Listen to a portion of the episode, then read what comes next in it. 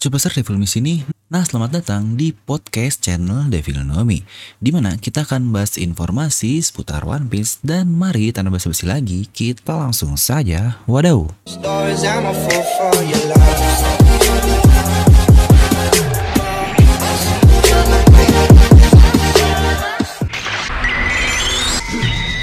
Nah akhirnya nih kita kembali untuk mereview chapter baru Di mana seperti biasa kita akan mereview apa aja yang terjadi di chapter ini Dengan beberapa pandangan dari Devil Nomi Plus sedikit analisis di akhir video. Anjos.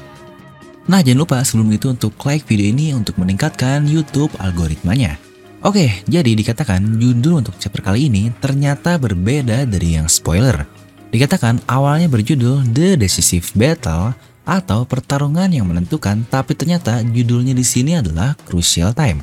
Yang sebenarnya ya saling mengisilah di antara kedua judul barusan, tapi yang benernya yang kedua ini ya, ya entahlah apa yang dimaksud dari Crucial Time ini, apa benar-benar untuk Onigashima yang sudah mau sampai ke ibu kota bunga ya.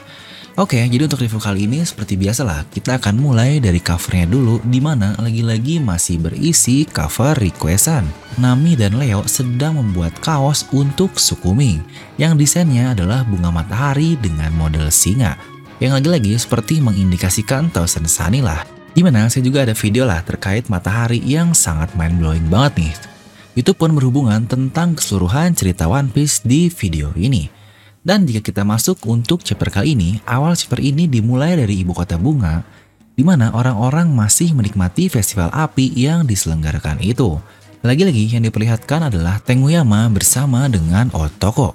Di situ dia berkata, apa kau menikmati waktu ini? Dan dijawab oleh Toko dengan iya sambil memakan permennya itu. Dan terlihat sedikit flashback ketika Tama yang mau meninggalkan Wano Kuni bersama dengan Speed. Itu pun dengan kapalnya yang akan menuju ke Onigashima. Di situ Tama memberitahu Tenguyama bahwa dia akan menolong perang ini walaupun tidak tahu apakah dia dapat kembali lagi. Di sini Speed pun ikut berkata bahwa dia akan melindungi Tama. Dan kembali ke waktu saat ini, Tenguyama terlihat khawatir dengan keadaan dari Tama. Ini sebenarnya cukup menarik sih, ternyata Tama izin dulu ke Tenguyama, yang hasilnya wah luar biasa banget lah peran Tama di Onigashima. Dan baru saja saya mau ngomong, kok aneh ya Onigashima yang sebesar itu pada nggak ada yang ngeh dari ibu kota bunga. Ternyata langit di ibu kota bunga ini dikelilingi awan tebal. Jadi wajarlah jika mereka tidak terlihat Onigashima yang mendekat. Oke lah, lagi-lagi mantap sekali dari Oda Sensei, simple tapi ya dapat diterima. Lanjut berpindah ke rooftop Onigashima lagi. Di situ kita melihat Meris yang masih berada di sekitaran Kaido melaporkan ke semuanya dan suaranya pun dilempar ke seluruh kastil. Oke, jadi sepertinya bukan bawah Huang saja ya yang dapat melakukan hal itu. Dikatakan pemberitahuan mengenai naga misterius ini, saat ini di puncak ada Yamato yang sedang terluka dan di langit terdapat hal yang luar biasa. Dua naga sedang berhadapan satu sama lain. Naga berwarna biru adalah Kaido sama dan Luffy si topi jerami dia menaiki naga yang berwarna pink. Di sini Yamato pun melihat ke Momonosuke sambil mengingat kata-katanya ketika dia masih kecil. Jika saya berubah menjadi monster seperti Kaido, itu akan bisa berguna untuk menolong banyak orang. Di sini Meris memang masih belum tahu sih bahwa identitas dari naga tersebut adalah Momonosuke, tapi sudah jelas itu adalah musuh. Dan Queen pun yang cukup nge dengan apa yang terjadi dan dia berkata, apakah Yamato yang selama ini menghentikan Kaido-san ya? Yang jawabannya benar sekali. Semua musuh di puncak yang sudah seharusnya kalah tapi kenapa Kaido belum turun ternyata yang menahannya adalah Yamet Kudashi. Yamet Kudashi, Yamet Kudashi, Bang Yamet, para kedasi. Lanjut di sini di pertarungan kedua naga, Kaido membuka mulutnya dan bersiap mengeluarkan bolo beritnya itu. Di situ Luffy pun menyuruh yang sama kepada Momonosuke, tapi dia tidak mengerti bagaimana caranya. Dan akhirnya Momo ini hanya menghindari serangan bolo berit dari Kaido. Di sini pun Luffy berkata sesuatu kepada Momonosuke yang tidak kita tahu hingga membuat Momo sampai terkaget-kaget.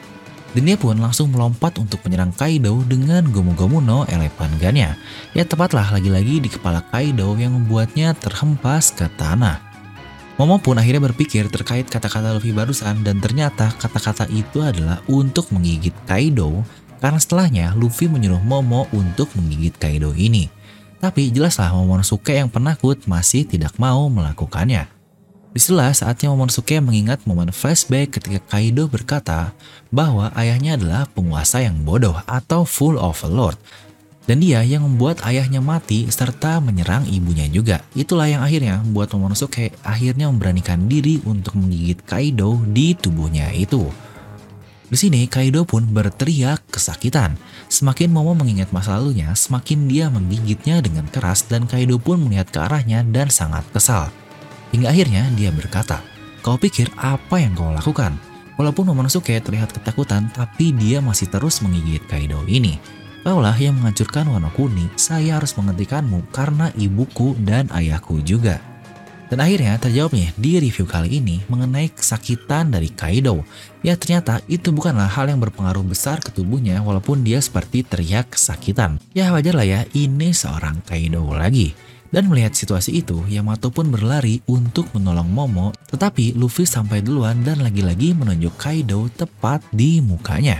Dan dia sambil berkata, hmm, mantap sekali Momo. Luffy ini kayaknya tipe orangnya kayak saya ya, walaupun ngelakuin hal yang gak begitu berguna, tapi sukalah untuk melihat effort dari orang lain. Manjos.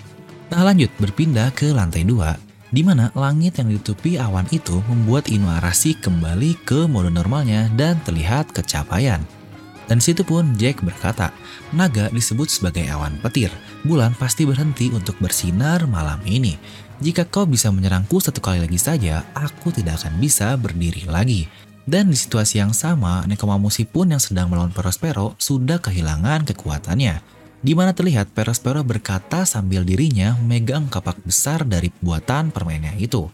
Kau menyalakan bulan, huhu, kau kehabisan keberuntunganmu Perorin. Keberuntunganku jauh lebih tinggi darimu bos kucing.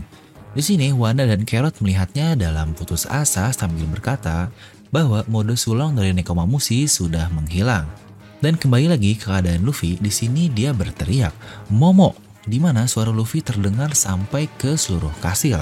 Dan akhirnya para samurai pun mulai menyadari bahwa Monosuke baik-baik saja. Di situ Luffy pun berkata, apa yang baru saja kau gigit adalah seorang Yonkou. Apakah dengan itu masih ada hal yang kau takutkan di dunia ini? Dan dengan sangat yakin, Momo berteriak, tidak, sekali lagi, tidak. Di situ Luffy berkata, pergilah, kau bisa terbang untuk menghentikan Onigashima. Di sini pun kita bisa melihat Zoro dan Sanji yang masih bertarung tapi sudah mulai menyadari jika naga barusan adalah Momonosuke. Lagi-lagi Luffy melanjutkan, serahkan Kaido kepadaku, aku akan menang. Oke, lagi-lagi ini adalah hal yang Luffy ucapkan sebelumnya, yang kedua kalinya sebelum akhirnya dikalahkan dan terjatuh di Onigashima untuk sesi sebelumnya. Di situ pun Kaido akhirnya berubah ke mode hybridnya dan siap menyerang Luffy dan bertanya, Kau pikir kau masih punya kesempatan untuk mengalahkanku?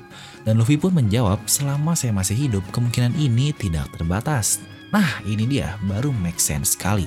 Berapa kali pun Luffy akan berkata hal yang sama selama dia masih terus hidup alias itu bukanlah bualan belaka. Ya karena menurut saya jika Luffy tidak berkata hal seperti ini ya seperti bualan lagi lah, bualan lagi dan bualan lagi. Tapi di sini alasannya sangat masuk akal sekali selama saya masih hidup kemungkinan itu tidak terbatas. Mantap sekali Oda Sensei. Di mana dari kata-kata Luffy barusan, di satu double patch yang sangat mantap, di situ kita melihat Luffy dan Kaido yang saling bertatapan, di mana terlihat aliansi dari samurai yang sangat senang dengan kata-kata Luffy dan berita juga mengenai Momonosuke yang baik-baik saja. Di situ pun kita melihat ada Tama, Nami, dan Frankie. Big Mom pun ikut merespon, Mama Mama, kau dengar itu sungguh orang yang menarik. Kit juga dia merespon, tentu saja kau harus melakukan itu. Yang dalam artian entah apakah Luffy yang ngalahin Kaido atau Momonosuke yang nyelamatin Onigashima ya. Keren juga nih kalau Kit percayain Kaido kepada Luffy. Di mana lo ikut merespon apa saja yang sudah kalian lakukan, waduh. Dan jika kita kembali ke Luffy dan Kaido, ini dia yang super epic sekali. Kaido dengan Kanabonya dan Luffy dengan tinjunya kembali beradu di mana keduanya saling dilapisi oleh warna Hausoku no Haki. Ya kirain pakai sendalnya lagi. Di mana yang dibuat itu sangat luar biasa gila dengan petir hitam di sekitarnya. Dan serangan itu tidak bersentuhan lah sama seperti Roger dan Shirohige dahulu. Serta untuk Luffy dan Kaido juga pernah sih, tapi yang sebelumnya ya pakai sendal. Karena impactnya yang luar biasa sehingga shockwave-nya ini sampai ke langit dan membuat awan di udara terbelah dua. Hal yang sebelumnya sudah kita lihat sebanyak dua kali. Pertama saat Shanks beradu dengan Oyaji di kapalnya dan yang kedua adalah Kaido dan Big Mom di Onigashima. Tapi yang aneh waktu Shirohige dan Roger malah nggak sampai langit kebelah ya, tapi impactnya itu benar-benar sangat gila sekali untuk radius yang melebar sampai satu pulau. Ya persislah kayak Luffy dan Kaido yang juga tidak tersentuh. Tapi kenapa ya sekarang sama-sama nggak sentuhan tapi impactnya sampai ke langit? Hmm, apa mungkin Clash ini lebih kuat dari Shirohige dan Roger di usia primanya? Wah ini sih mencurigakan banget, tapi kita lanjut ke review dulu ya. Meris yang sebelumnya ada di langit ini, dia berhasil menyampaikan pertarungan itu ke semuanya sebelum akhirnya pingsan karena haki. Setelah itu kita melihat langit kembali terbuka lebar dan bulan penuh pun dapat kembali terlihat. Jack dan Perospero yang kaget melihat bulan itu setelah sadar Inu dan Neko sudah kembali ke mode sulungnya lagi. Di situ Inu berkata, apa yang kau katakan tadi? Dan di sisi lain Nekomamushi juga bertanya, hmm, di mana keberuntunganmu sekarang? Dan mereka menyerangnya dengan Oden Itoryu atau jurus satu pedang milik Oden. Untuk Neko, dia menggunakan Niku Neko Bam, di mana Nekomamushi melemparkan sabetan super kuat ke arah Perospero ini, yang bahkan merusak topinya dan menghancurkan tangan permennya itu dan untuk Inu Arashi, dengan Inu Spire dengan pedang di kakinya itu, dia menusuk layaknya tombak menembus tubuh Jack di perutnya itu. Bahkan di sini langsung dikonfirmasi oleh Oda Sensei, Perospero anak tertua dari Big Mom dan Jack the Drought All-Star bajak laut Kaido sudah dikalahkan. Hmm, gils banget. Perospero ini benar-benar Oda nggak ngabisin screen time-nya di Cake Island ya. Padahal dia sudah sangat-sangat gila sekali berperan di Whole Cake Island dan sekarang sampai di Onigashima. Padahal untuk Smoothie yang menurut saya sangat nggak guna banget di arc sebelumnya, di sini malah nggak kelihatan. Waduh, sayang banget sih ini. Nah di mana saat kekalahan itu, terlihat di lantainya Inuarashi, pintu terbuka dan itu adalah si bangsat Orochi. Yang ternyata selama ini memperhatikan pertarungan tersebut dan berkata, Hmm, Jack dikalahkan, ya bodoh amat lah gak ada hubungannya sama gua. Waduh bener-bener lah si bangsat ini masih aja hidup padahal udah ditebas ke delapan kepalanya loh sama Skabart. Hih, kesel banget. Oke mungkin kita akan bahas analisis tipis lah ya mengenai kekuatan dari Skabart dan juga dengan Luffy ini. Yang sejujurnya, Inu dan Neko adalah dua dari kesembilan Skabart dapat mengalahkan top dari anak buah Yonko yang menurut saya berarti kekuatan dari para Skabart ini sangat gila sekali. Tapi kesembilannya bersama-sama mengalahkan Kaido pun mereka belum sampai di level sana.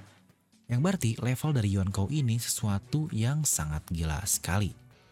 Dan di chapter ini juga kita mendapatkan Luffy akhirnya bisa beradu haki dengan Kaido sampai membelah langit. Sama lah seperti para Yonkou-Yonkou yang lain, Kaido, Big Mom, Shirohige, dan juga Shanks. Tapi mereka ini diperlihatkan sih untuk serangannya menempel satu sama lain. Giliran untuk Shirohige dan Roger yang serangannya nggak kena malah nggak sampai ngebelah langit. Hmm, bingung nih saya. Oke, jadi itulah untuk review kali ini. Karena di chapter ini banyak tarungnya yang jadi kesukaan kita semua lah. Jadi akan saya beri nilai 8,8 dari skala 10. Dan berita baik juga bahwa minggu depan tidak libur guys. Waduh. Kemungkinan nih kalau salah satu bencana udah kalah yaitu Jack dan Perospero, kayaknya next chapter apakah saatnya untuk Hawkins dan Apo atau Queen dan Jack dulu ya yang kalah. Kalian bisa langsung tuliskan pendapat kalian di kolom komentar di bawah. Dan seperti biasa, semoga kalian terhibur dengan video ini. Like aja kalau kalian suka, dislike aja kalau nggak suka, jangan lupa untuk subscribe dan juga share video teman kalian. Gue The Film pamit and I'll see you guys next time.